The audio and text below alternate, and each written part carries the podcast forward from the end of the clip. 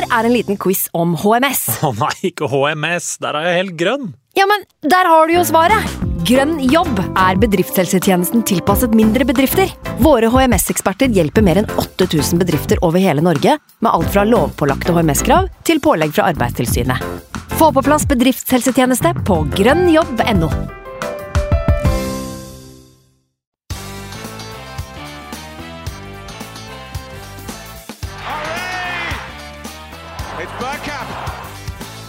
for grabs! The next station is Arsenal. Hjertelig velkommen skal du være til en splitter ny episode med Arsenal Station med Magnus Johansen og meg, Simen Goffeng. Nellik-spikrene blir stadig færre, julekalenderen blas sakte, men sikkert frem mot Boxing Day, og sånn sett burde vi vel egentlig være ganske så happy om dagen. Men Magnus, eh, med potensielt nedslående Jesus-nyheter må vi vel advare om at dette ikke blir den eh, gladpodden lytterne våre kanskje hadde håpet på. Nei, også på den rosa skyen som vi har svevd, så kommer jo hverdagen i form av et vindkast og gjorde at vi deisa rett i bakken igjen. eh, I går lørdag, for så vidt, var det vel, når vi fikk den nyheten. Så litt, eh, litt tyngre å være Arsenal-supporter nå enn på en god stund. Det blir jo veldig lett å, å krisemaksimere litt i den situasjonen vi er i. Du er jo en mester, ikke en mester i å krisemaksimere, men i en skal vi si, mester i å, å se de mest negative slutningene foran deg. Og klart eh, med disse ja, hva skal vi kalle det, litt nedslående tankene som dukker opp fra brasilianske medier om eh, tre måneder, eh, så er det vel sånn at man kanskje ser tittelhoppet svinne litt hen allerede. Jeg vet ikke hvordan du har tatt det her, jeg. I den grad det tittelhoppet var der, da. Det er jo fin eh, personkarakteristikk det, at en fyr som har evner å se de negative vinklingene. Men eh, det, er jo, det er jo litt sant. Eh, men jeg føler meg kanskje som en realist. Altså En sånn type skade i løpet av en sesong må man regne med, uavhengig om det er et VM eh, inni her. Nå har jo Gabriel Jesus spilt mindre enn han ville gjort eh, for Arsenal. Eh, sånn at eh, det her, det, det kunne fort skjedd uansett. Eh, og tittelhåp, det, det baserte seg jo på at vi hadde at alle planetene lina opp i, på rekke for oss, at universet gjorde oss den tjenesten eh, som skjer én av hundre ganger et sånt scenario. Altså Leicester eh, er eh, det beste eksempelet, uten å sammenligne Mm. eh, tidsalderen og lagene. Så, og Liverpool selvfølgelig 1920, da, som er det ene laget som har klart å overliste Manchester City. Eh, og fellestrekkene her er jo at sentrallinja eh, holder seg skadefri Mm. stort sett gjennom hele sesongen med en to-tre kamper her og der, liksom. Det tåler vi. Gabriel Jesus ute i tre-fire uker, som det var den første prognosen eh, tyda på, det tåler vi veldig fint. Tre, kanskje fire måneder. Helt annen eh, greie. Uff. Ja. Nei, vi, vi må vel bare rett og slett bruke mye av praten i dag på å analysere, eh, i den grad man kan gjøre det når man ikke egentlig sitter med tidshorisonten her. Da. Eh, Den vil jo sannsynligvis åpenbare seg i løpet av de neste dagene, etter at han har fått sjekka, seg ut litt på London Colony og hos Arsenals eh, medical staff. Men vi kommer til å bruke litt tid på å finne alternative løsninger, og så sender vi de til Arteta i den grad han har behov for de. Så det blir vel hovedinnmaten i dagens prat. En liten, eh, liten VM-kikk. Hva som har skjedd siden eh, vi har eh, sittet ned her sist. Aller først syns jeg vi skal nevne samarbeidet vårt igjen med Arsenal Norway. Bare ta to ord kjapt om det. Vi har jo hatt det samarbeidet gående i en del måneder nå, og er jo stolte av det. Og synes at alle lytterne våre, om det er gamle eller nye, det kommer jo stadig vekk nye til også, så jeg tenker det er greit å repetere dette her for dem. Eh, At vi anbefaler alle på det aller sterkeste å melde seg inn i Arsenal Norway på gunners.no. Det er en smal sak som koster deg noen få sekunder, egentlig bare. Og med, med det lille den handlingen der, så får du da tilgang på diverse goder som du kan line opp, Magnus. Det er eh, seks supportermagasiner som eh, du får i din eh, rektangulære postkasse i løpet av eh, året. eh, med Arsenal-stoff skrevet av eh, Arsenal-folk. Du får eh, 15 eh, avslag på fotballbutikk.no, sånn at alle Saliba-draktene kan bli dine til en rabattert pris.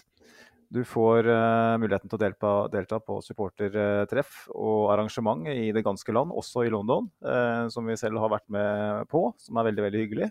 Uh, knyttes bånd, skapes relasjoner som varer og går i takt med Arsenal. Um, I tillegg muligheten til å søke på billetter. Nå vet vi at det er vanskelig, men det skal nevnes, Simen, at i forbindelse med den utsatte kampen mm. mot Manchester City, Eh, som ble beramma nå i den uka som gikk, eh, så kom det nyheter om at Arsenal Robbie har fått tilgang på noen billetter der. Og da var det litt sånn førstemann til mølla-prinsipp, fikk jeg inntrykk av. og en god del Gooners har skaffa seg billetter hjemme mot Manchester City i det vi trodde skulle bli seriefinalen. helt til vi fikk det. Det er heldigvis ikke så mange kamper før vi kommer dit. altså Det kan vel hende vi kan være med i miksen eh, og være i en slags utfordrerposisjon selv i midten av februar. Men eh, det blir jo det, det blir uten oss på tribunene, men eh, med mange andre norske Gunners. Så de får kose seg der. Nei, men fint, det. Da har vi gjort jobben vår og promotert. Det er bare å bare å belage seg på at det fortsetter. For den supportklubben her har vokst godt nå de siste månedene. Og det håper vi at fortsetter. Så om du er en av de få som ikke, ikke er med der ennå, så har du rett og slett en jobb å gjøre. Altså. 250 kroner. Enkelt. Eh, VM, har du sett litt eh, av det i dag? Du har hatt barnebursdag i heimen, har jeg forstått? Ja da. Det har vært sjuårsdag her, så det er klart at eh, VM har kommet litt i andre rekke. Men uh, så litt grann av Frankrike-matchen, og så så jeg ganske mye av England. Mm.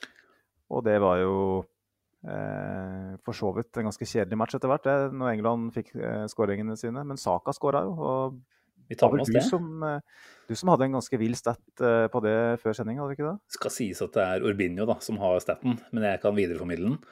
Eh, Bukayo Saka er da altså den tredje Arsenal-spilleren eh, til å skåre eh, tre mål i ett enkelt verdensmesterskap etter Bergkamp og Henri. Og det er jo et selskap vi kan uh, kose oss med. Så klart, uh, når vi har nevnte herrer som våre to store forbilder, kan vi kalle det, i den poden her, så, mm. så, er det litt ekstra stas at en Saka trer opp i samme, i samme selskap som den. Utrolig hyggelig, det. Og så håper vi på en måte det er starten på at han skal tre inn i det selskapet ser det snakkes litt om at uh, nå er jo Mbappé en ganske egen liga i dette VM-et her, sammen med kanskje et par andre, Messi bl.a. Men uh, det er klart, Osaka er jo ikke herja på den måten. Men det er jo sånn at en offensiv unggutt fra Arsenal som produserer såpass som saka gjør, vil jo dra på seg ganske store mengder oppmerksomhet framover. Og kan jo håpe på at det blir en liten sånn eh, rivalisering eh, her etter hvert, kan vi ikke det? Altså, Vi skal til, tilbake i Champions League først, da, vi må jo si det. Men eh, når vi er der, så, så, begynner vi å lukte på en liten eh, utfordrer til eh, Mbappé om eh, skal vi si, prinsetronen i fotball-Europa. Ja, eh, det er å dra det litt langt, eh, selvfølgelig. Eh, som, som Arsenal.com skriver om spillerne våre. Det er vår Bukayo. Vår Askepott, tenker jeg alltid på når jeg leser den når de skriver det på, skriver det på Twitter. Nå er det jo triste nyheter i Askepott-Norge, men det skal vi ikke ta her. Men det er litt sånn Du ser, apropos prinse, kronprinser i, i mm fotball-Europa, så ser du jo at det er i alle fall to til på England, som, bare på England, da, som kjemper om samme tittel. Kan vi snakke litt om Jude Bellingham og tillate oss å drømme litt i dag også, eller? Fytti helsike for en kamp han har i dag da, mot mm. Senegal. Han er jo kjempesjef utpå der. 19 år da, fortsatt. Jeg vet ikke når han fyller 20. Det er vel kanskje ikke før til neste år. Det er ikke så lenge dit, men eh, det er så drøyt at han er 19 år og herjer på den måten han gjør. Så, han glemmer det litt. så han glemmer det litt. Ja, ja Han framstår jo ikke som 19 på noen måte. Han er jo midt i 20-åra, om du skulle på en måte sett han første gang og ja, sett fysikk, sett måten han opptrer på, modenheten han er både på og utenfor banen. Det er liksom det er den totale pakka. da, så ser vi jo med skrekk og gru at han har fått et godt forhold til både Henderson og Trent uh, i løpet av tida på landslaget. Så ja, nei, jeg mm. frykter jo at han ikke ender opp i Arsenal, for å si det sånn. Men uh, som sagt, jeg, jeg tillater meg å drømme litt. Ja, altså Det må man gjerne gjøre. Og uh, det er jo ganske mange store spillere som, som det snakkes om. og Jude Bellingham er jo kanskje krumtappen. Manchester City tror jeg òg skal ha et ord med i laget der. Mm. Uh, frykter at den havner der, rett og slett. Uh, maktfaktoren Manchester City i engelsk fotball er i ferd med å bli soleklar uh, på alle vis. Sånn at Jeg forstår at Trent og Henderson jobber hardt. jeg forstår at Todd, Top Gun Todd kaster inn hatten sin i ringen der òg, som man gjør i alle ringer hvor det er plass til hatter. Eh, men eh, Manchester City for meg ser jeg for meg, ser jeg for meg er et mm. åpenbart eh, valg for han. Han, fotballkarrierer er korte.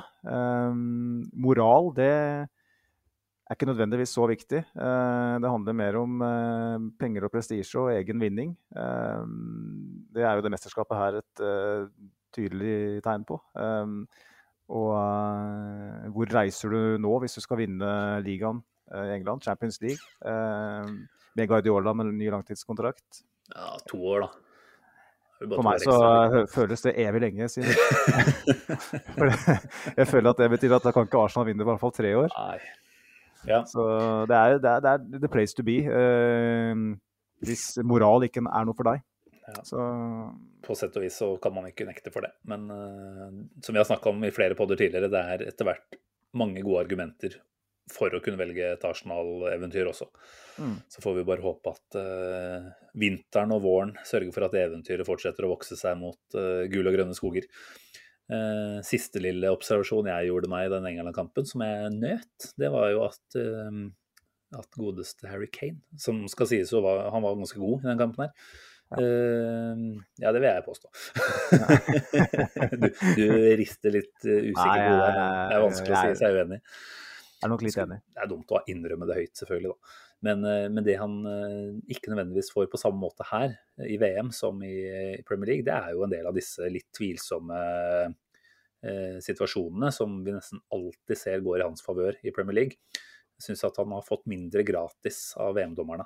Så jeg håper jeg at mm det sitter noen eh, på dommerrommet i, i England og følger med på dette her og take notice. Det er bare å slutte å la seg lure av de overspillingsfaktene han stort sett eh, holder på med. Og mye av det småskittene som han også pleier å putte inn i, i spillet sitt.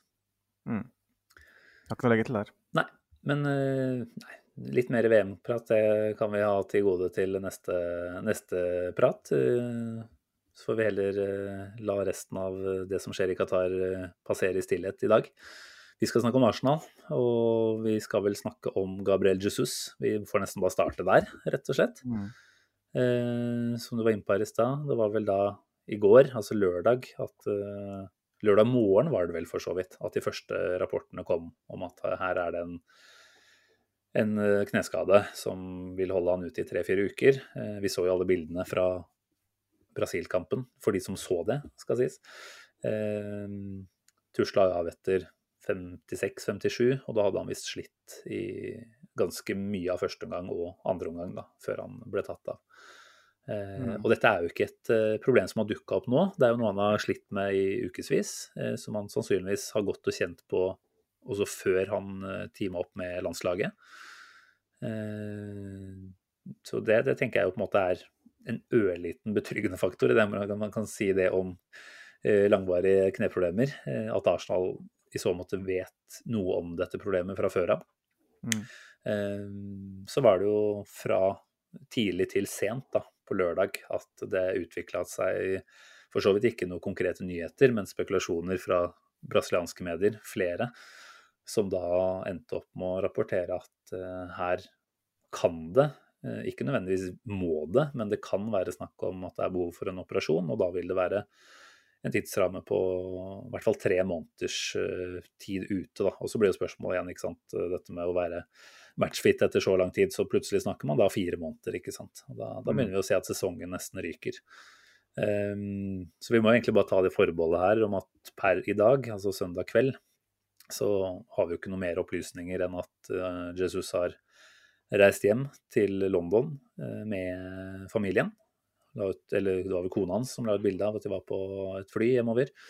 Eh, hvilket jo da tilsier at han skal sjekkes eh, i det vide og det brede av Arsenal sine leger og fysioer og alt mulig. Og så vil man jo ta en beslutning sannsynligvis i løpet av noen få dager da, på hva som, skal, hva som, skal, skje. Om det er en uh, skade som faktisk krever en operasjon. Da. Og da, da, har vi på en måte kommet dit vi, vi, frykter. At vi må begynne å se på alternative løsninger for å rett og slett redde den sesongen her.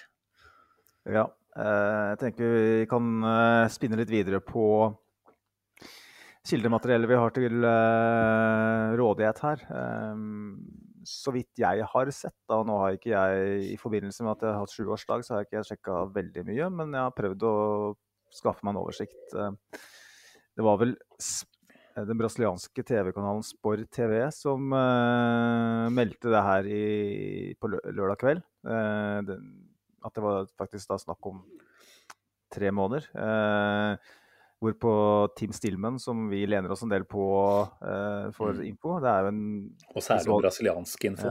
Det, ja, det, det, er vel det jeg er ute etter. Ja. Søramerikansk sådan. He's one of our own, Arsenal-fanmiljøet. Sånn at han stoler jeg for så vidt på, og han sier jo at han sammenligner den TV-kanalen med Sky Sports da, hva gjelder troverdighet. Og... Det er vel ikke ti av ti i disse dager, trodde jeg, da. Men uh, jeg skjønner jo på måten han har framstilt at det er noe han anser som veldig troverdig. Men uh, Sky mm. Sports mm. på særlig overgangsrykter er jo ikke i nærheten av troverdig om dagen, er det det? Så, Nei. Så det, det, er greit nok. Poenget, poenget hans og ditt står seg jo. Uh, han mener at Sport TV er troverdig som få, da. Ja, han mener at det er en en viktig aktør i mediebildet i Brasil som eh, ikke vil, ville meldt noe sånn hvis det ikke stemmer. Men mm. nå melder jo andre tunge kilder i Brasil at det her er langt mer usikkert. Eh, og de første kildene mente tre, fire, meldte tre-fire uker, eh, som vi var inne på. Eh, og det siste som har kommet ut, er vel egentlig at eh, Arsenal har bedt han komme mm. hjem til London så fort som mulig for å komme til bunns i det. Uh, og det forteller meg at uh, her er man veldig usikre. Ja. Uh, altså Vi snakker tre måneder. Det kan jo være mye verre òg. Det kan være sju-åtte måneder, ikke sant, for alt vi vet. Så det at det blir at det blir brukt slike tidsrammer i media på den måten, gjør at vi får uh, fullstendig panikk ikke sant, i fanbasen og gir avkall på sesongen og sier at nå er det over, vi gleder meg til august.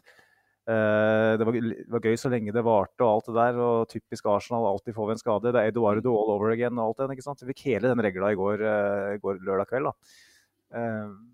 jeg var en av de som kjente på samme følelsen, uten å tvitre det. Så det er sånn Vi skal være veldig forsiktige med å å konkludere med at det her er noe som helst annet enn en, en eh, kneskade, for det er alt vi vet. Ja. Eh, så, og mandag, må, mandag, i løpet av mandagen, da, hvis vi får informasjon så fort, det vil si sannsynligvis når du hører på den poden her eh, mm. Hvis du er en av de som er jævlig hissig på grøten og har lyst til å høre på med en gang, så, så kan det hende at vi allerede vet det. Eh, hva som er greia her. Så det altså, I beste fall så har vi brukt uh, halvtime, tre kvarter i dag på å prate om uh, alle mulige andre scenarioer som kan være med å redde den sesongen her, dersom Gabriel Jesus er borte lenge. Og så får vi en kontrabeskjed i morgen om at nei da, dette går i løpet av tre uker.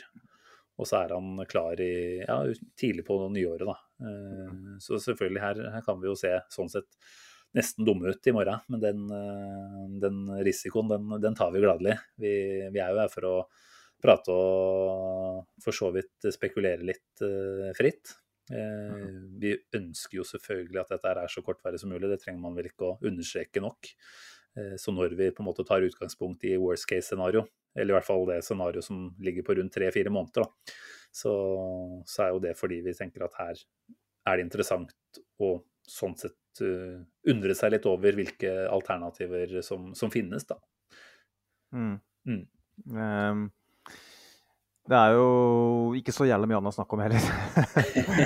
uh, jo, vi kan snakke om at eh, Wenger har vært ute og meldt litt fra Fifa-hold. og Kan vel snakke litt om både Sjaka som uh, grabber uh, ballene sine og Det, det fins jo ting. Det fins ting. Mm. Men først og fremst så tenker jeg vi kan konse på, på Jesus her og nå, i hvert fall. Så kan vi jo se hva tida strekker til. Vi har vi har plikter som gjør at vi må tidlig opp i morgen begge to, så jeg tror vi skal prøve å holde oss eh, relativt uh, korte og presise her i dag. Ja. Um, så hvor starter vi egentlig? Nei, altså vi, vi, kan jo starte med å se på um, de kampene vi skal spille i jula og januar. Um, mm. Dem mister han sannsynligvis. I alle fall uh, Boxing Day uh, mot Westham, Brighton borte, Newcastle hjemme. De kampene kan vi vel nesten konkludere med at han ikke er med i. Og så er det, er det en FA-cuprunde ja. etterpå, er det ikke det? Så den går Oxford, jo helt fint. Ja, så da snakker vi om Tottenham uh, borte, da. Ja, og så er det United hjemme etter det. Så det er jo to kamper som kan være definerende for topp fire-håpene våre. Uh, nå er vi der igjen, uh, kjære lytter. Men uh, såpass realister må vi være at head to head mot, mot de lagene, det kan avgjøre mye. Mm. og om Gabriel Jesus er med eller ikke Jeg, jeg ser, må jo si det, Simen, at er det én spiller i frontrekka vår da, som jeg absolutt vil ha med i toppkampene, så er det Gabriel Jesus. Absolutt. jeg føler han er i en sånn eh, hjemmekamp mot uh, Burnley Jeg håper ikke Burnley, de er ikke oppe lenger, da, men si Southampton eller uh, Leicester eller hva det måtte være, så, så, tenker jeg at vi klarer oss greit uten. Da holder Eddie Nketia eh, stort sett. I, I teorien så skal han gjøre det. Men, uh, men, når vi liksom skal virkelig flytte på lagdeler hos et sterkt lag som er kompakte, som ligger godt, som er hva skal jeg si, kvalitativt på nivå med, med vårt lag, mm. Da er han nøkkelen. Han river og sliter og drar og trekker og, og skaper de rommene vi, vi, trenger for at vi skal skape, klare å skape de målsjansene vi gjør. Bare se på hvor mye vi skaper med han i laget. Eh, åpenbart flere faktorer, men ja, han er viktig. Vi har snakka mye om at han mangler eh, evner til å, å skåre mål. Eh, det har han åpenbart et problem med. men det, det, han veier opp i det med alt han forårsaker da, med sin, sitt spill, og spesielt i de kampene der. Um, så jeg Når jeg ser på kampprogrammet, så tenker jeg at vi skal klare oss greit uh, i noen kamper. Uh, men når det virkelig uh, bygger opp mot si april, og når vi har altså nå, jeg, nå, har jeg ikke foran meg, men da, da har vi jo kanoner på rekke og rad. Mm. hvis han er ute da, da er jeg redd vi da blir det for tynt, rett og slett. Jeg er redd. Februar og mars, altså med unntak av den City-kampen, byr vel på skal vi si, overkommelige motstandere, da, i den ja, man kan kalle noen i Premier League det. Eh, så skal det jo også sies at det dukker opp noe europaligaspill underveis der også etter hvert. Da, så det er klart at kampprogrammet totalt sett er jo tett. Og du er jo sånn sett avhengig av å ha en så bred stall som mulig. Og det å potensielt se at Jesus ikke er med da, kanskje før i ja, april da, igjen, det er jo kjempeødeleggende isolert sett, men også fordi at man da må se at en Enkete f.eks. spiller enda mer enn det han eh, kanskje tåler. Eh, mm. Nå må vi anta at dette her, dersom det blir såpass alvorlig som man frykter, vil få følger for det som skjer på overgangsmarkedet nå. Da. Eh, det blir også interessant. Men jeg, men jeg tenker du har jo et poeng med at vi bør kunne klare oss, i hvert fall i en umiddelbare rekka nå på tre kamper som dukker opp eh, etter VM-pausen. Eh, hvis vi på en måte skal prøve å se de tre eh, som en liten minirun, da, så skal man på en måte kunne innstille mm, ja, jeg tror vi, vi, allerede nå må innstille oss på at det blir uten Jesus. For selv med tre-fire uker så er ikke han nødvendigvis da i sånn 100% matchform og kan bidra uh, på samme måte som han har gjort uh, tidligere i sesongen. Så at man fra en Nketia sitt eh, ståsted f.eks. er ganske mentalt innstilt nå etter hvert på at dette her betyr flere muligheter, det, det tenker jeg kan være fint. For vi så jo mm. hvordan Nketia vokste på det å få flere kamper med mange minutter etter hverandre forrige sesong. Ja. Så det er klart at uh, kommer han da inn i en liten flyt, så skal man jo absolutt kunne se for seg at det, det er noe å leve med på kort sikt, i hvert fall. Så nei, det blir, eh, det blir, grisespennende. Vi har fått noen spørsmål. Jeg vet ikke om det er greit å dra med noen av de underveis her, er det ikke det? Plutselig så har vi jo snakka om ting uten å, å nevne spørsmålene. Da, da, har vi ikke gjort jobben vår. Eh, så vi kan jo ta med bl.a. fra Fleskburven her, som rett og slett spør skal vi tro at Arteta vet bedre enn oss. Eh, Eddie var god på tampen i fjor. Arteta knows. Eh, mm. Mens Dial Norge, Dial Club på Twitter, spør om Arteta har en plan B. Han skriver at Enkete er mer en fox in the box og passer ikke inn i Artetas plan A. Og spør om vi skal da hente inn en annen spiss. Så er det vel flere her. Vi har Magnus Indridason som også skriver noe rundt Enkete, og skriver at da må vi vel eh, ta til takke med han på topp, og så må man prøve å få en backup-spiss, eventuelt kalle Balogun tilbake. Eh, ja, det var, det var, noen av de. Du kan mm. eventuelt dytte inn noen flere hvis du, hvis du, har noen. Vi kan ta ut et par av disse spørsmålene som involverer uh, Smith-Roe etterpå for å finne ja. løsninger.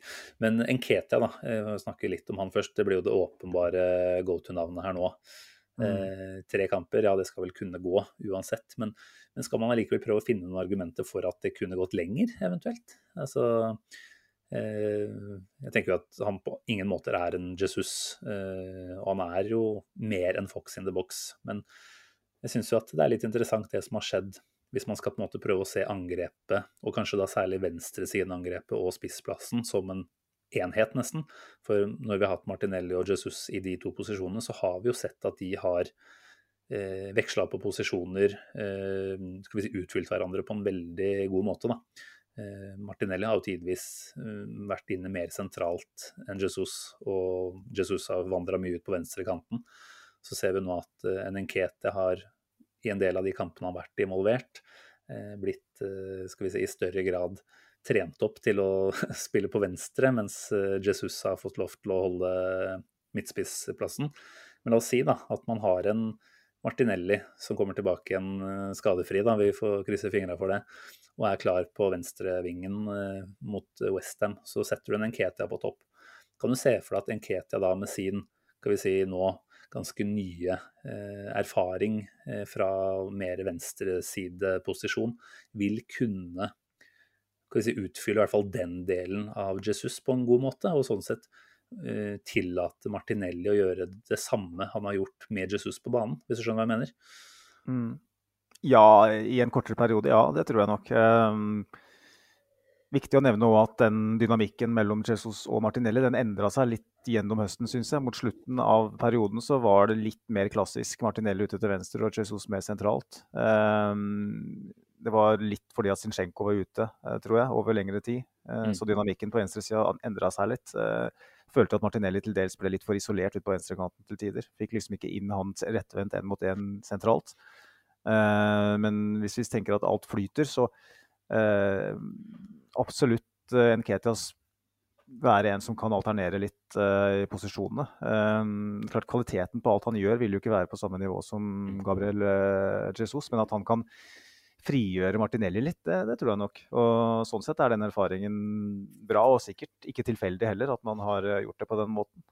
Veldig viktig, godt Eh, observert, faktisk, eh, Simen. Det må jeg si. Eh, faktisk. faktisk. Jo, jeg pleier, jeg pleier, å få et faktisk når du har et kompliment der, så jeg veit hva du tenker. Det er greit, det. Nei, det var, det var fordi jeg kom på det. Jeg tenkte at jo, men jammen er det ganske oppvakt å få med seg. Og så sier jo Fleskspurven at uh, Arteta knows, mm. eller Arteta vet. Uh, men jeg tror Arteta òg vet at uh, Eddie Nketia ikke er Gabriel Jesus. Han er en veldig soleklart andrevalg uh, på, på spissplassen. Eh, når det er sagt, så eh, må vi ikke glemme at Nketia har tatt store steg. Eh, jeg syns det han gjorde på slutten av forrige sesong, det var Vi husker måla, men for meg så står, nesten, står, det nesten sterkere igjen med det, alt, han, alt det andre han gjorde. Jeg syns mm. han fra å være en som stort sett bare blæsta ballen fra 20 meter på tribuna og prøvde på umulige ting og hadde pasningsfeil og sånn, så gikk plutselig så Han tilegna seg så, sånne evner som det å ta imot ball feilvendt med mann i rygg, mm. baller som kommer gjerne i lufta, ta det på brystet, ta det på hodet, så klarer han å, å holde seg eh, Eller holde balansen. Klarer å vende opp, klarer å gjøre noe konstruktivt. Det var noe han ikke hadde i nærheten av evner til tidligere. Um, og det er jo mye av det Chisou spyr på. Pressvilje til Nketia, det er Bra. Til, til, ja, det er bra til tider. Jeg er usikker på om han klarer å opprettholde det gjennom en match, sånn som Jesus gjør. og det, Vi skal kanskje ikke forvente det, men det må, det må jeg se litt mer av, rett og slett. Eh, kvalitativt en nedgradering, soleklar nedgradering. Men sånn hvis man liksom tenker at man skal finne en som ligner litt på Gabriel uh, Jesus, så jeg syns ikke Nkete er så langt unna å være det, selv om han er mer Fox in the box uh, enn Jesus. Så jeg, syns at det, er spennende. Jeg, er veldig mm. usikker på nivået hans. Veldig, veldig usikker. Men mm. at han har en del sånn profilmessige likheter med Gabriel Jesus.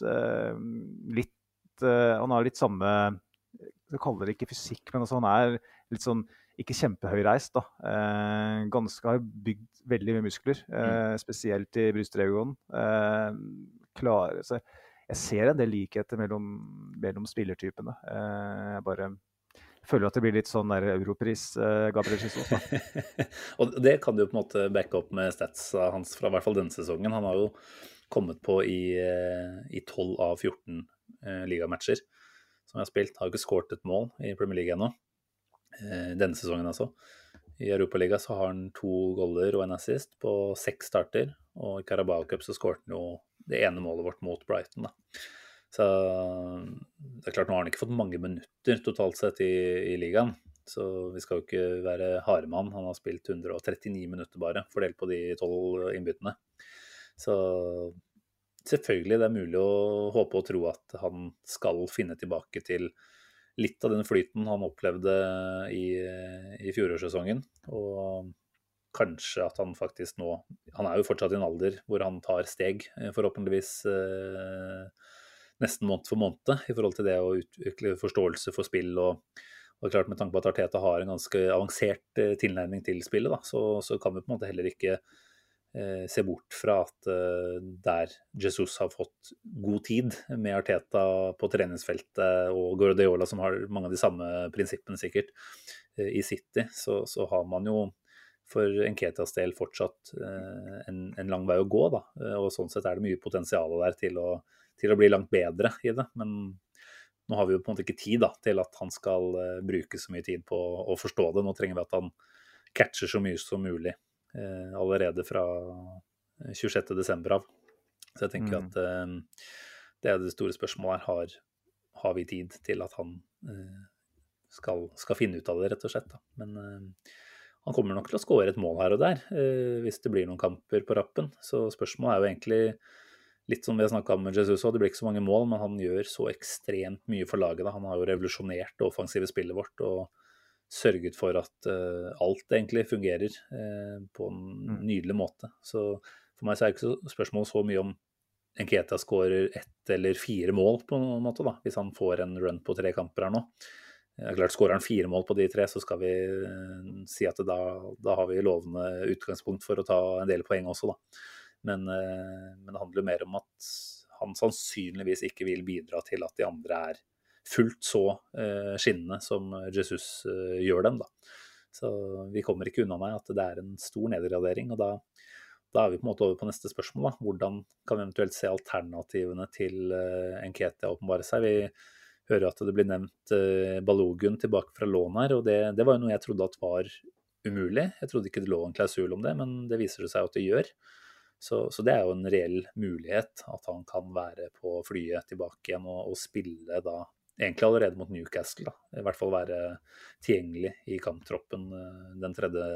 3. januar der. Uh, igjen, det, det, tenker jeg vi nesten bare får si at det blir helt og holdent uh, noe som, uh, som, vil styres av både lengden på skaden, men også hva man ser for seg at man skal gjøre på overgangsmarkedet. For man henter ikke en Balogun tilbake fra et veldig godt lån, da, sånn som det ser ut nå for at han skal ende opp på benk i en kortere periode, for deretter å være låst i reservelagsfotball eh, de siste månedene av sesongen. Jeg tenker det, det, har vi vel sett at Arteta nå er villig til å ofre litt, da, på en måte. Eh, mm. Eget eh, mannskap for at enkeltspilleren skal få en best mulig utvikling. Så jeg personlig tenker kanskje ikke at det blir aktuelt, men, eh, men hvilke andre løsninger er det du eh, kan se for deg at kan være mulig å gå for her? Ja, det er et godt spørsmål. Um, jeg tenker jo at um, eh, Nå snakka vi om at, um, Gabriel, nei, at Ketia kunne være en slags like for like uh, sånn stilmessig erstatter, sånn at vi ikke trenger å endre så mye på måten vi spiller på. Uh, jeg tror vi kanskje er nødt til å endre på måten vi spiller på. Mm.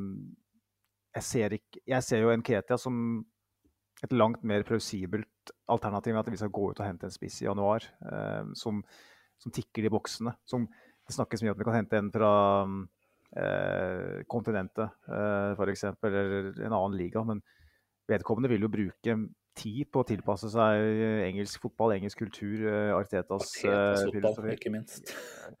Så det, det, det, mm. Da mener jeg Nketia er et bedre alternativ enn de aller fleste. Men sånn internt så så det er klart uh, Smith-Roe nevnes vel også av noen. Uh, ja, har du spørsmålene klare, ellers så sitter jeg med det foran meg her.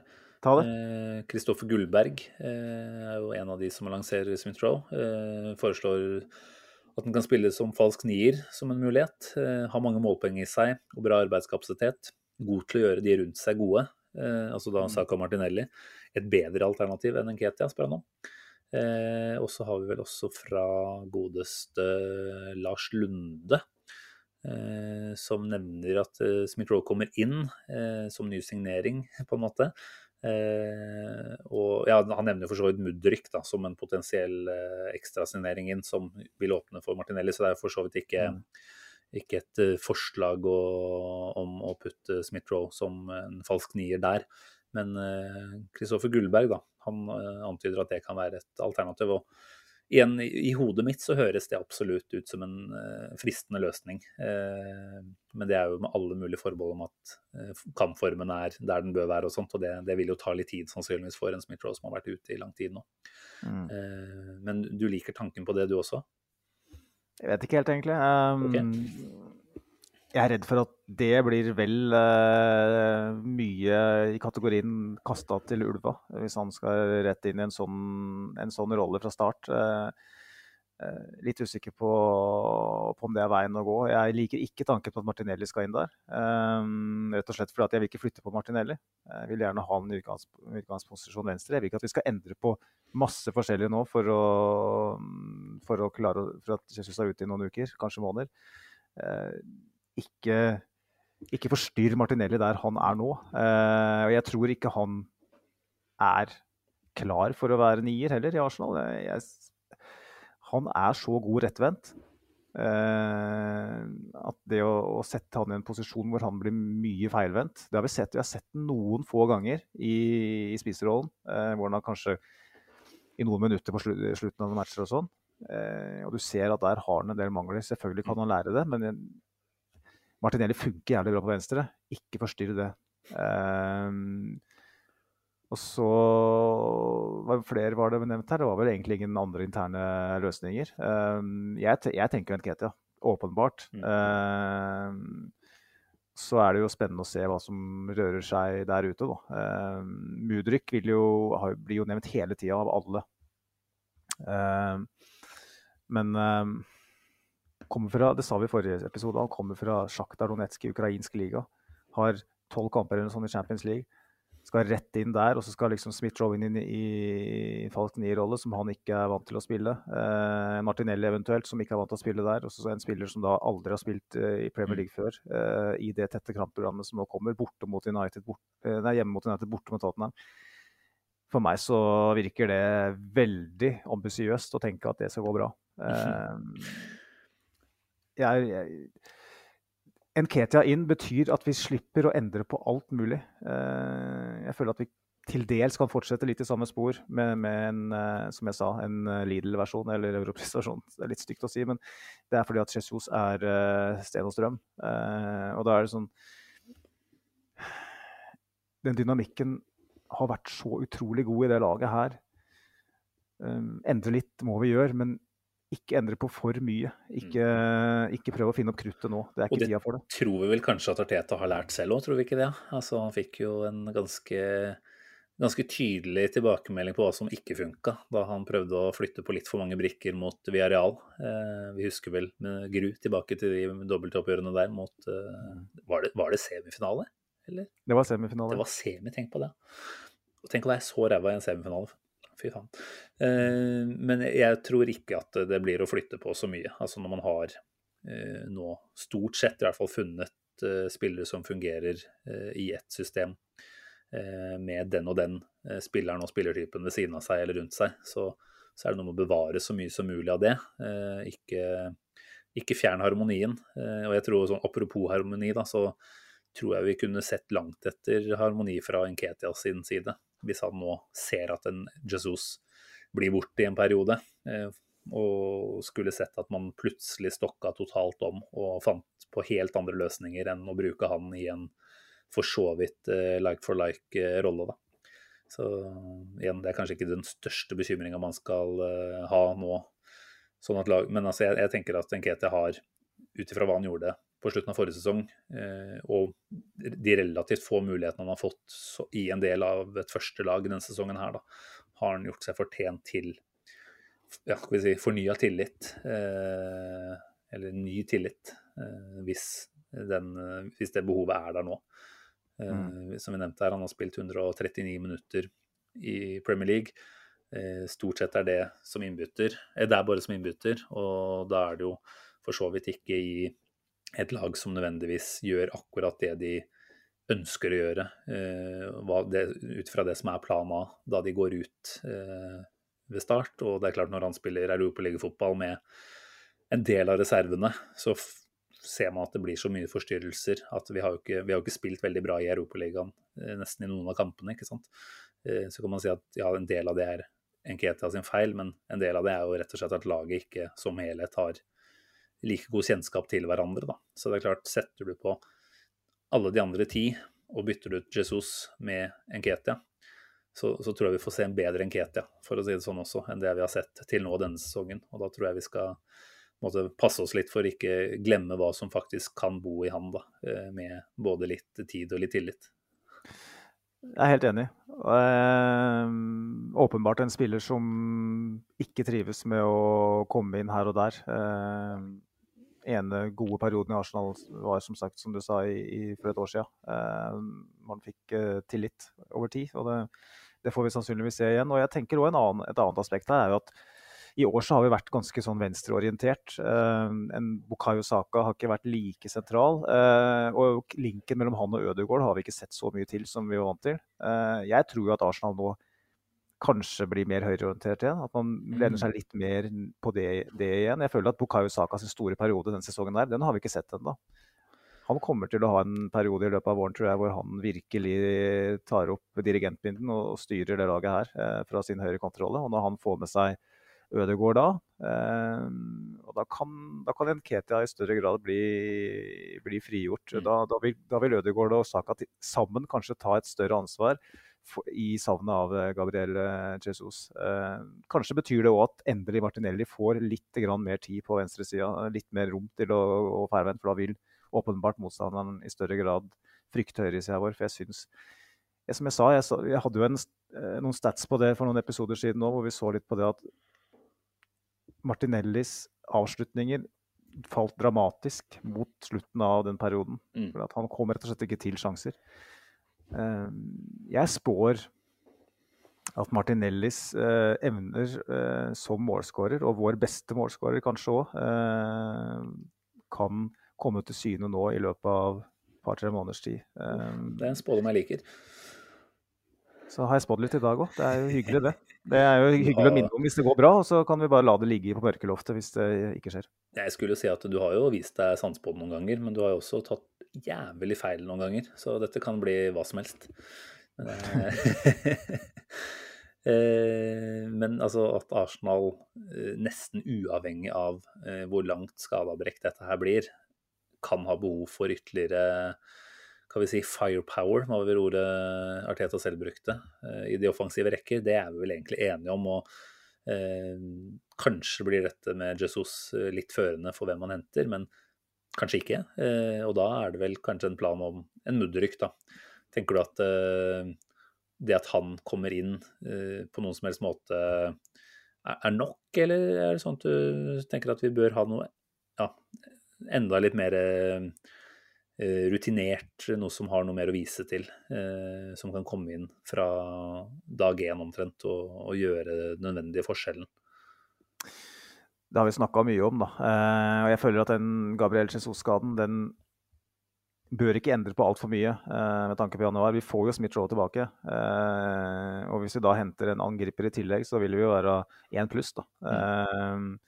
så er jo heller spørsmålet da om har vi den ene spilleren som kan ta den uh, Jesus-rollen. Men der er jeg ganske krystallklar på at jeg tror ikke den finnes der ute i januar uansett. Uh, så go for it uh, hvis Mudrik var planen, eller hvis noen andre var planen. Og så for... henter man i tillegg en sentral midtbanespiller, og da tenker jeg at noe mer enn det kan vi ikke be om. For dit jeg egentlig ville med det, det, opplegget der, var jo videre til et par spørsmål eh, som vi mm. også har fått, om eh, kan vi si relativt rutinerte karer da, som har bevist noe i Premier League. Eh, to navn. Henrik, eh, som har Henrik 10, 80, 65, 39. Er det en båt der, eller? Det ser ganske legit ut. Eh, foreslår hva med å hente Giroud tilbake. Viser i VM at han fortsatt holder høyt nivå. Mens Lars Ramstad, T-Lars på Twitter, rett og slett skriver Ronaldo? spørsmålstegn. Eh, vil, du, vil, du, ta de to, eller? Altså ikke, ikke lytterne, men spillerne.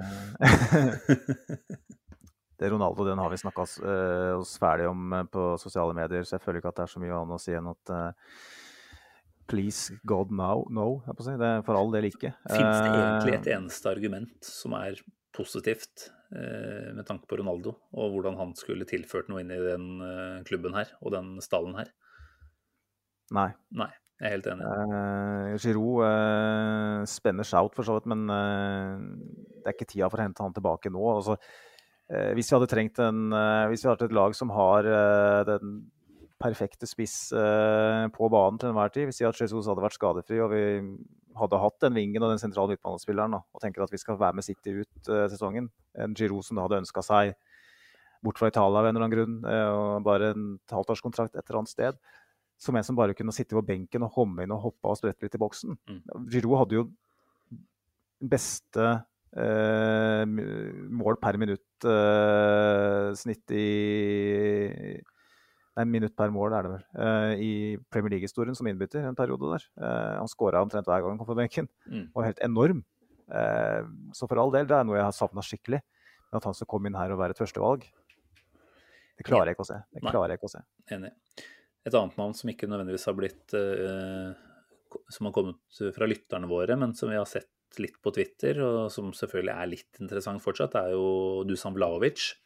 Eh, mm. kanskje litt ekstra nå med tanke på alt som skjer rundt Juventus. og Der er det jo en ganske skakkjørt økonomi, kan det tyde på. Og hva som eventuelt eh, blir borte av eh, ja, Nå er det vel et helt styre som har gått. Eh, hva som eventuelt blir borte i neste omgang, det gjenstår å se. Men nå skal Juventus på besøk til Emirates, eh, er det 17.12.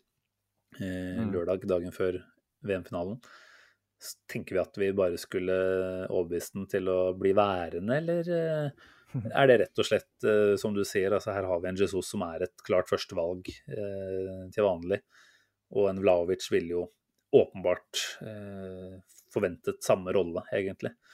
Eh, så bare av den grunn så er vel et sånt eh, en sånn overgang uaktuell. Og så har du i tillegg, bare for å understreke hvor dårlig stemning det er mellom Sjaka og, og Vlaovic, så så vi hvordan Vlaovic grabba ballene i, i kampen her, og, og Sjaka endte opp med å, å gjenta den bedriften mot uh, Serbia-benken.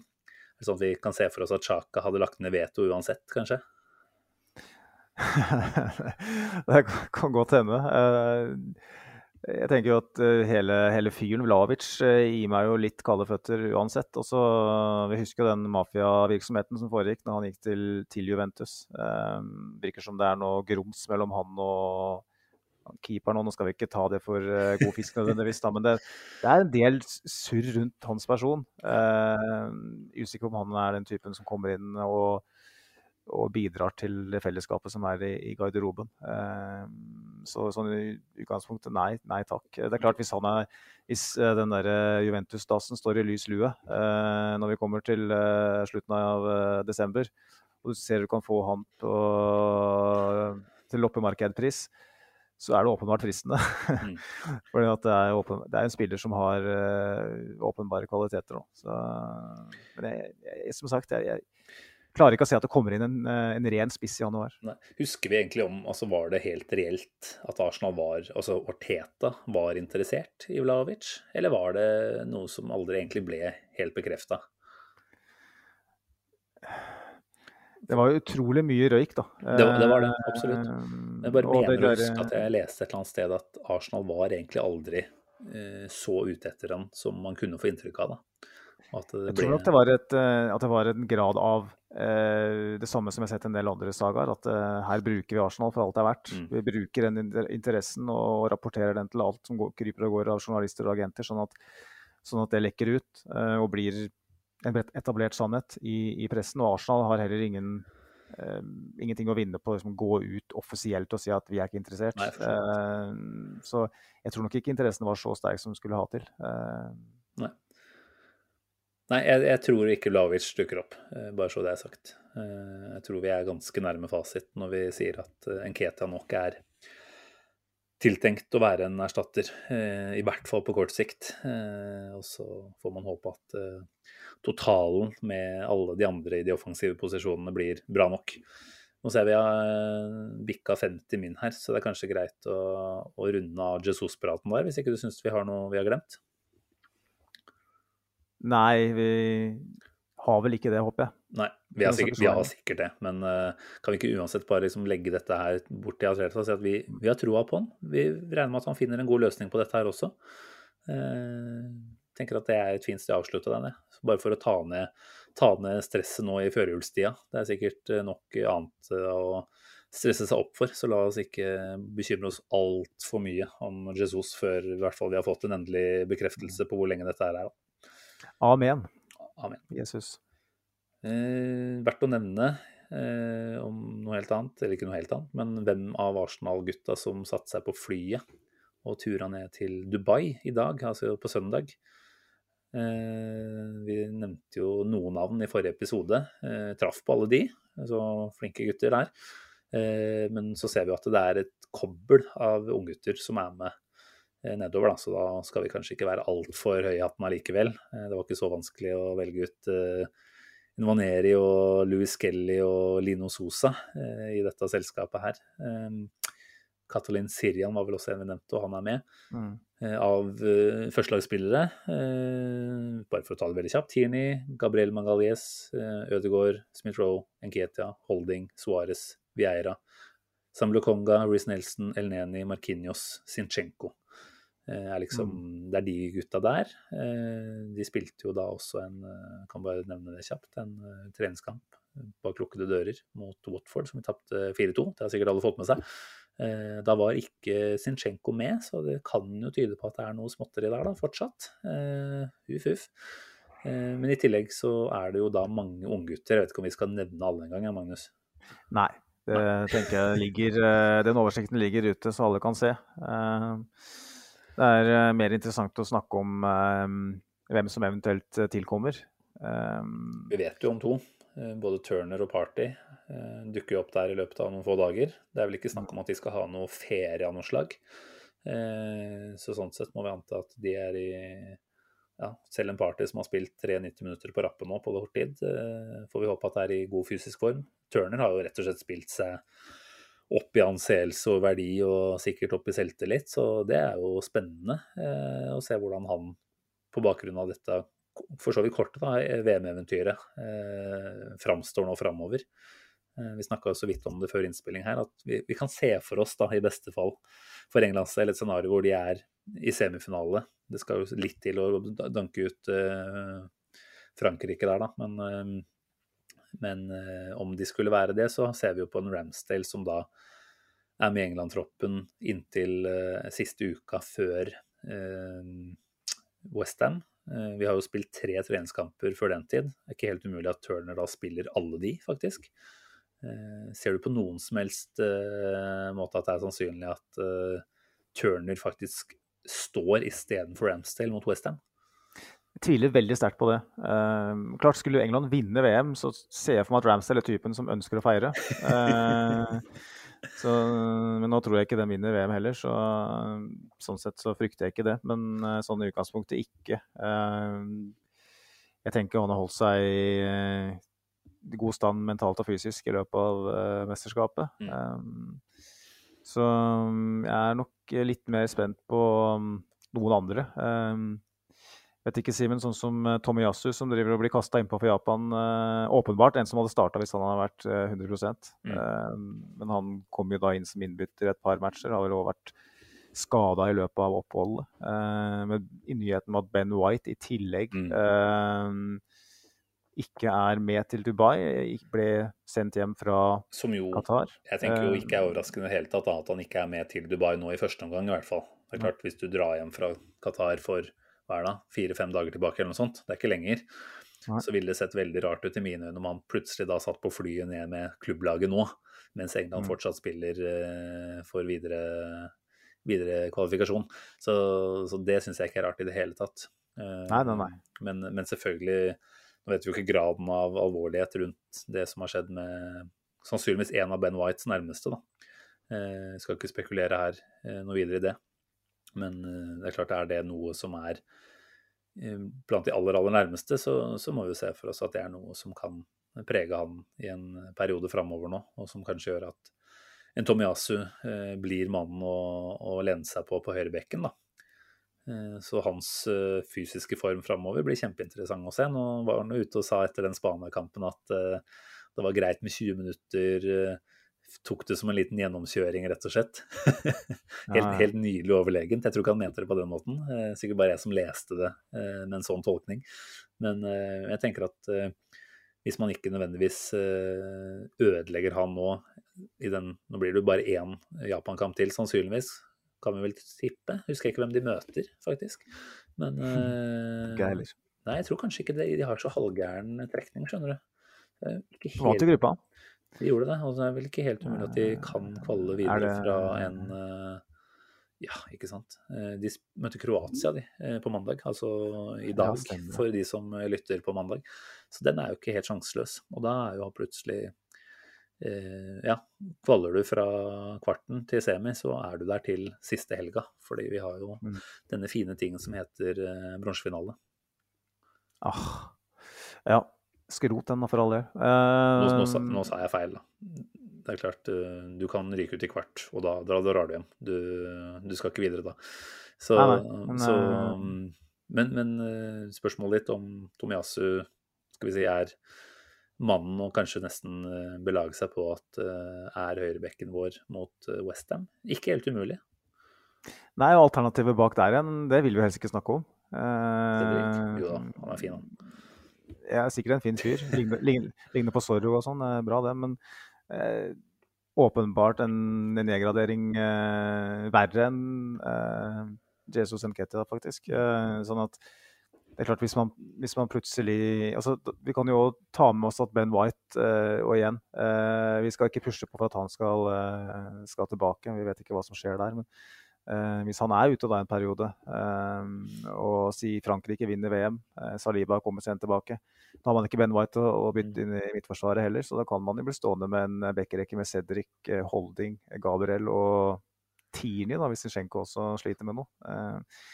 Så Shit, ass. Dette blir en skikkelig grave seg ned på det. Ja, det, du har jo kommet til rett mann, da, hvis du vil, vil det. Men det, det, er jo, det er jo som det, det, her er vi det vi, vi frykter. da. Mm. At, uh, at, vi skal få flere tunge fravær nå i, i, den perioden. Sånn at det momentum vi tok med, med oss inn i VM-pausa, ikke klarer å opprettholdes inn i den tøffe perioden som kommer. Um, men uh, veldig interessant å se hva som skjer med Tomiase, først og fremst. Jeg føler han er nøkkelen til veldig mye her. Han kan jo spille overalt i bekkerekka. Mm. uh, så er han klar, så har vi på en måte en sånn joker vi kan sette inn overalt. Um, Saliba er jo åpenbart frisk og, og fit. Um, men at Frankrike kommer kjempelangt, det må vi bare regne med. Ja. Um, nå er jeg usikker på hvem de har i kvarten, for jeg, jeg, ser ikke så mye av det. De møtte jo England i kvarten. Det er England, vet du. Her, dum, hør her. Dum kamp, det, altså. Det er jo en av de man må få med seg, kanskje. Mm. Uh, og da, fall, da vil iallfall noen av våre returnere. da. Enten Saliba eller Ramsdale og Saka. Og Saka. Mm. Og ingen, vi sier ikke nei takk til å få noen av dem hjem. Uh, den, den, kampen den går vel sikkert den uka som kommer. Uh, så da, da, er vi jo Vi får jo noen svar allerede da. Mm. Um, hvis vi skal begynne å, å, å, forskuttere på hvem som skal spille de, i, i, de kampene, så kan vi jo ta med oss at Sjaka er uh, Sjaka er fortsatt med, faktisk, i, i VM. Men Party er uh, ikke med. Ødegaard og har ikke vært med i det hele tatt. Så da har vi iallfall to av tre i det midtbaneleddet. Mm. Uh, vi har en uh, Tierney på venstre bekk, kanskje Zinchenko også. Uh, Gabriel er hjemme. Uh, Vieira er hjemme. Og kan, Yes. kan utgjøre en midtbane, han sammen med Party og Ødegaard eventuelt. Så vi har, jo, vi har jo en god del spillere vi på en måte. Allerede nå kan si, med mindre det kommer en uventa skade, eh, kommer til å være, være klare til dyst. Eh, sånn at det, det, er det, det er jo det alt handler om nå, Simen. Eh, hvem eh, er klare 26. mot Western? Vi har jo den julekalenderen vår gående på, på, på Twitter, for de som ikke har sett det, eh, hvor vi teller ned med å se på eh, teller på en litt annen måte enn en tradisjonell julekalender. Vi, I stedet for luke nummer 1, 2 og 3 osv., så, videre, så har vi luke, begynt vel med luke 25 og teller ned til 26. desember. Eh, hvor vi da tar bakgrunnen i draktnummeret til, til en, en, en enkeltspiller som har hatt det. Vi starta med Kanu 25, og så fortsetter vi med Beirin 24 osv. så variant. Jeg følte at jeg hadde veldig når jeg la inn uh, Kanu der, så jeg, var jeg høy på livet. Eh, og når jeg la inn uh, Oleg Lusli nå i, dag tidlig, nummer 22, så, så er det sånn at man merker jo det at, at man nærmer seg. eh, at, det, at, det er mer, at det er reelt nå. Det, er bare 22 dager igjen til Premier League eh, sparker i gang igjen. Og vi ser at vi har potensielle tunge, Mm. tunge fravær. Eh, hverdagen er litt tilbake allerede, kan man si det. Dessverre.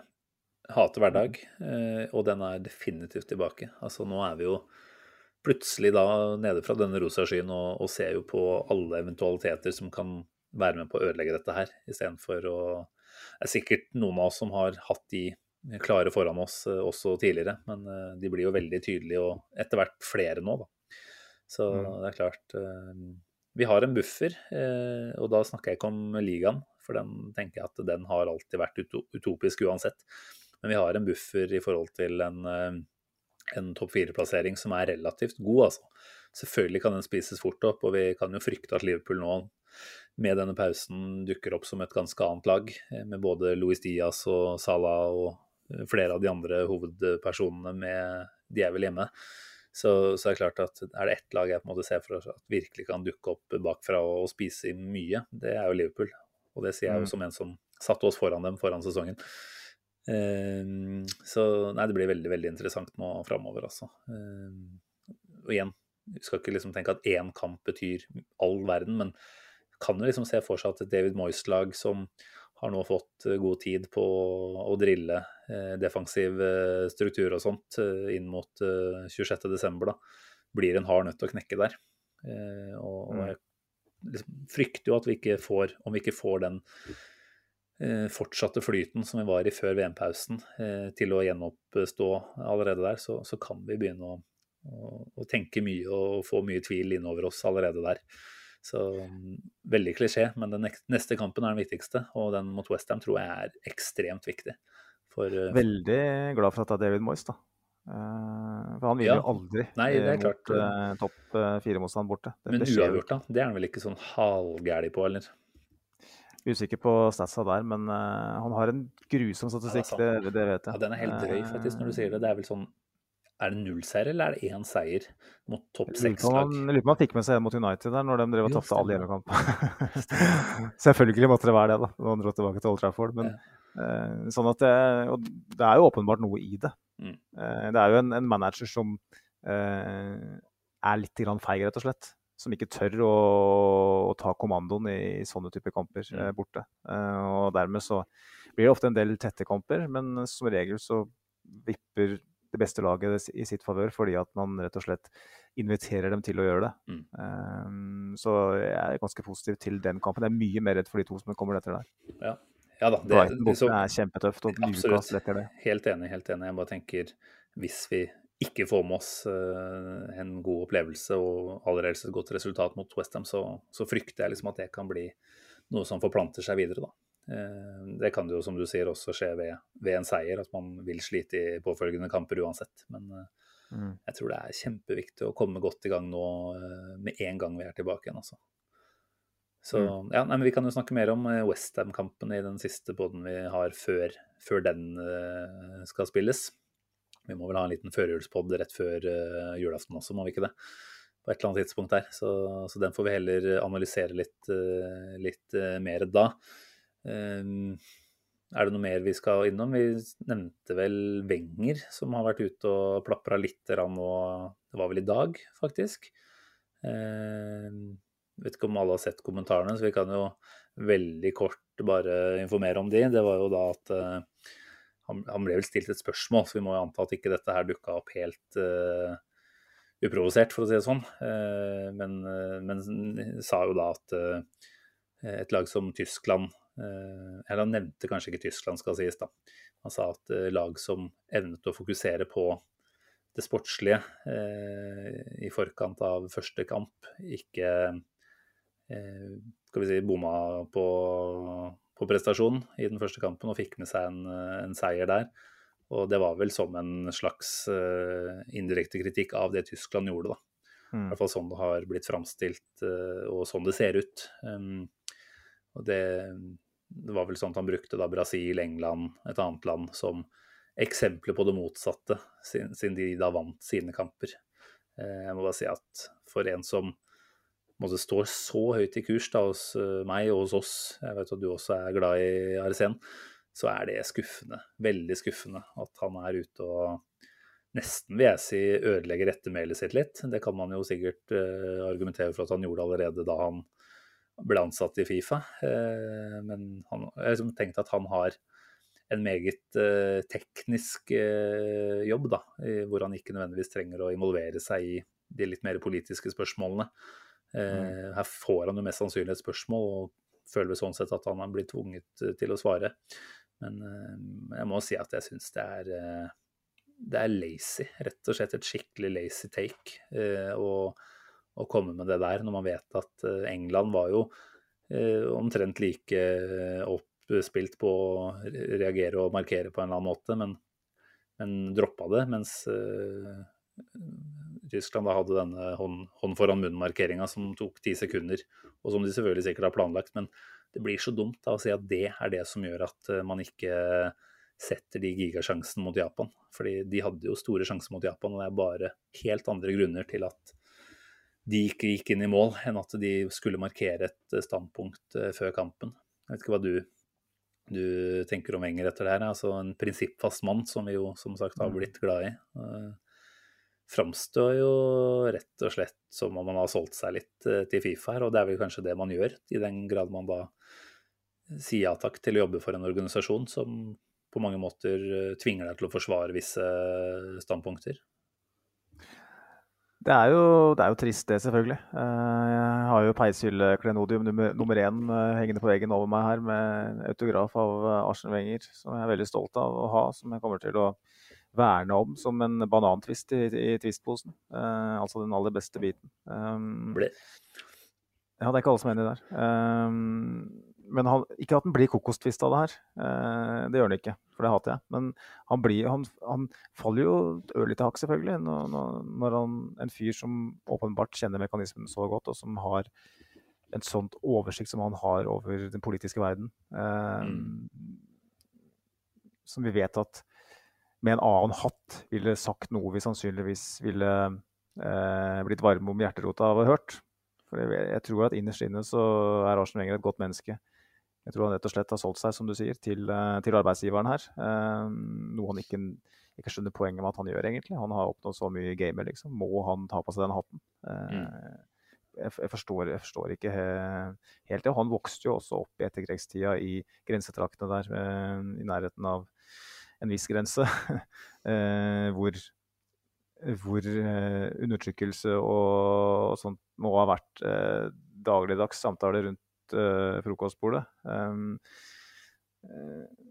Den ballasten vil jeg tro han har tatt med seg. Jeg er litt overraska over at nettopp han har tatt en sånn rolle, at nettopp han mm. uttaler det her.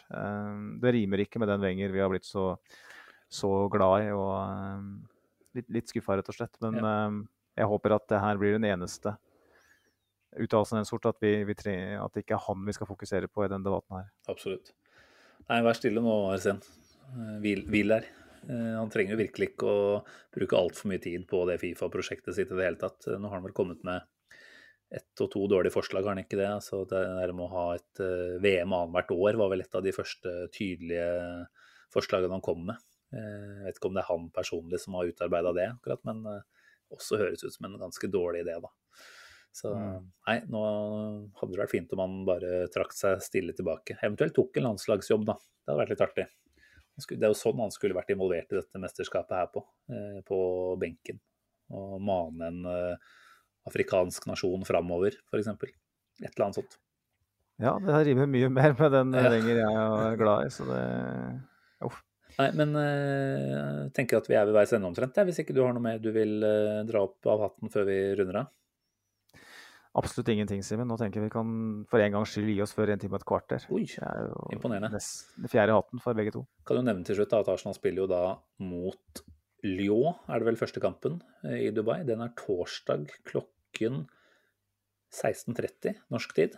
Veit ikke hvor den eh, blir vist. Jeg regner med at man kan kjøpe seg noe matchpass på arsenal.com. Det frykter jeg vel at jeg kommer til å bruke noen kroner på. Eh, Og så er det jo da en kamp mot AC Milan eh, tirsdag eh, neste uke etter der igjen klokka tre. Så her får man bare runde arbeidsdagen eller studiedagen tidlig. Det skjer. Det skjer nok. Det er klart, Er man sultefòra på Arsenal, så er man sultefòra. Da, da må man nesten bare sørge for at det blir mulig å få sett disse kampene. Hvis Ray Parler sin kolleksjon selger litt dårligere enn eh, antatt, så kan man ta inn, ta inn det på matchpass. Det er jeg ganske sikker på. Så er det vel også sånn at i neste episode så har vi kanskje med en overraskelse eller noe sånt. Eh, Vi trenger ikke å avsløre noe mer her og nå. Eh, Men jeg håper du har tenkt å ta på deg eh, på å styre holde styrespakene i denne episoden her. Fordi jeg har et eh, julebord på lørdag som jeg planlegger å bli helt ødelagt etter. Så da tror jeg du må være ansvarlig redaktør på neste pod-episode, Magnus. Du tar den jobben, du. Du er jo en nydelig programleder når du blir tvunget til det. ja, presterer med, med revolveren mot tinninga, det gjør jeg. Men eh, når det gjelder en overraskelsen, så, så vet vi ikke om den kommer eh, på hvilket tidspunkt den kommer. Da. Så, og hvis den er kommer det er en overraskelse, ikke sant. Det Her, eh, her, her lover vi noe som vi ikke vet vi kan levere, levere på, men eh, håper jo at det kan være en litt sånn førjulsdrøm da, hos lytterne. At det kommer noe litt annerledes enn meg og deg som sitter og gøvler er i en mer enn én time og et kvarter. Så det klarer vi nå. slippe dette her. Altså for lytterne. Ja, men, men vi nyter det. Så jeg sier takk for praten nok en gang, Magnus. Det har vært uh, deilig, deilig fem kvarters tid. Eh, en ting som jeg syns vi skal også si helt på tampen her, er takk til alle som har eh, delt uh, screenshots av sin Spotify Wrapped i løpet av 2022. Så er det jo flere som eh, viser seg å ha store problemer, som har oss øverst på Spotify-podkast-lista si. Det setter vi veldig veldig stor pris på. Kjempekult. Altså nesten så langt jeg må gå som å si at det er rørende å se at, vi, at folk bruker så mye tid på å høre på oss. Det, det syns jeg er skikkelig hyggelig. Så, Det er kult når du ser en sånn topp fem-liste, og så har du fire sånne veldig store aktører. Eh, Mm. med Internasjonale aktører i mange tilfeller, med sikkert hundretusener av lyttere. Og så troner vi over dem, over dem på flere av de oversiktene. Det, det, syns, faktisk, det syns jeg er rørende, faktisk. Og og til de av dere som hører på alle episodene våre og me, hører mer på oss enn mange av de andre, det, det er altså så utrolig kult å se. Mm. Så jeg ligger på knær og sier tusen takk. Ja, Absolutt. Absolutt. Ja, men den er god, Magnus. Da får du ha en eh, flott uke. Eh, Lykke til tidlig opp i morgen. Bake bursdagskake og smøre glasur på den eh, før frøkna står opp. Så sats på at du har vekkerklokka på tidlig. Jeg er redd kroppsklokka kommer til å vekke meg før den tid òg, så det, det blir Gammel mann. en Gammel mann. gammel mann.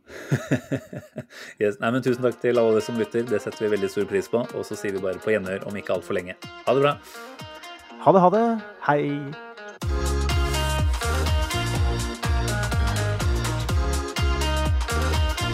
This train terminates here.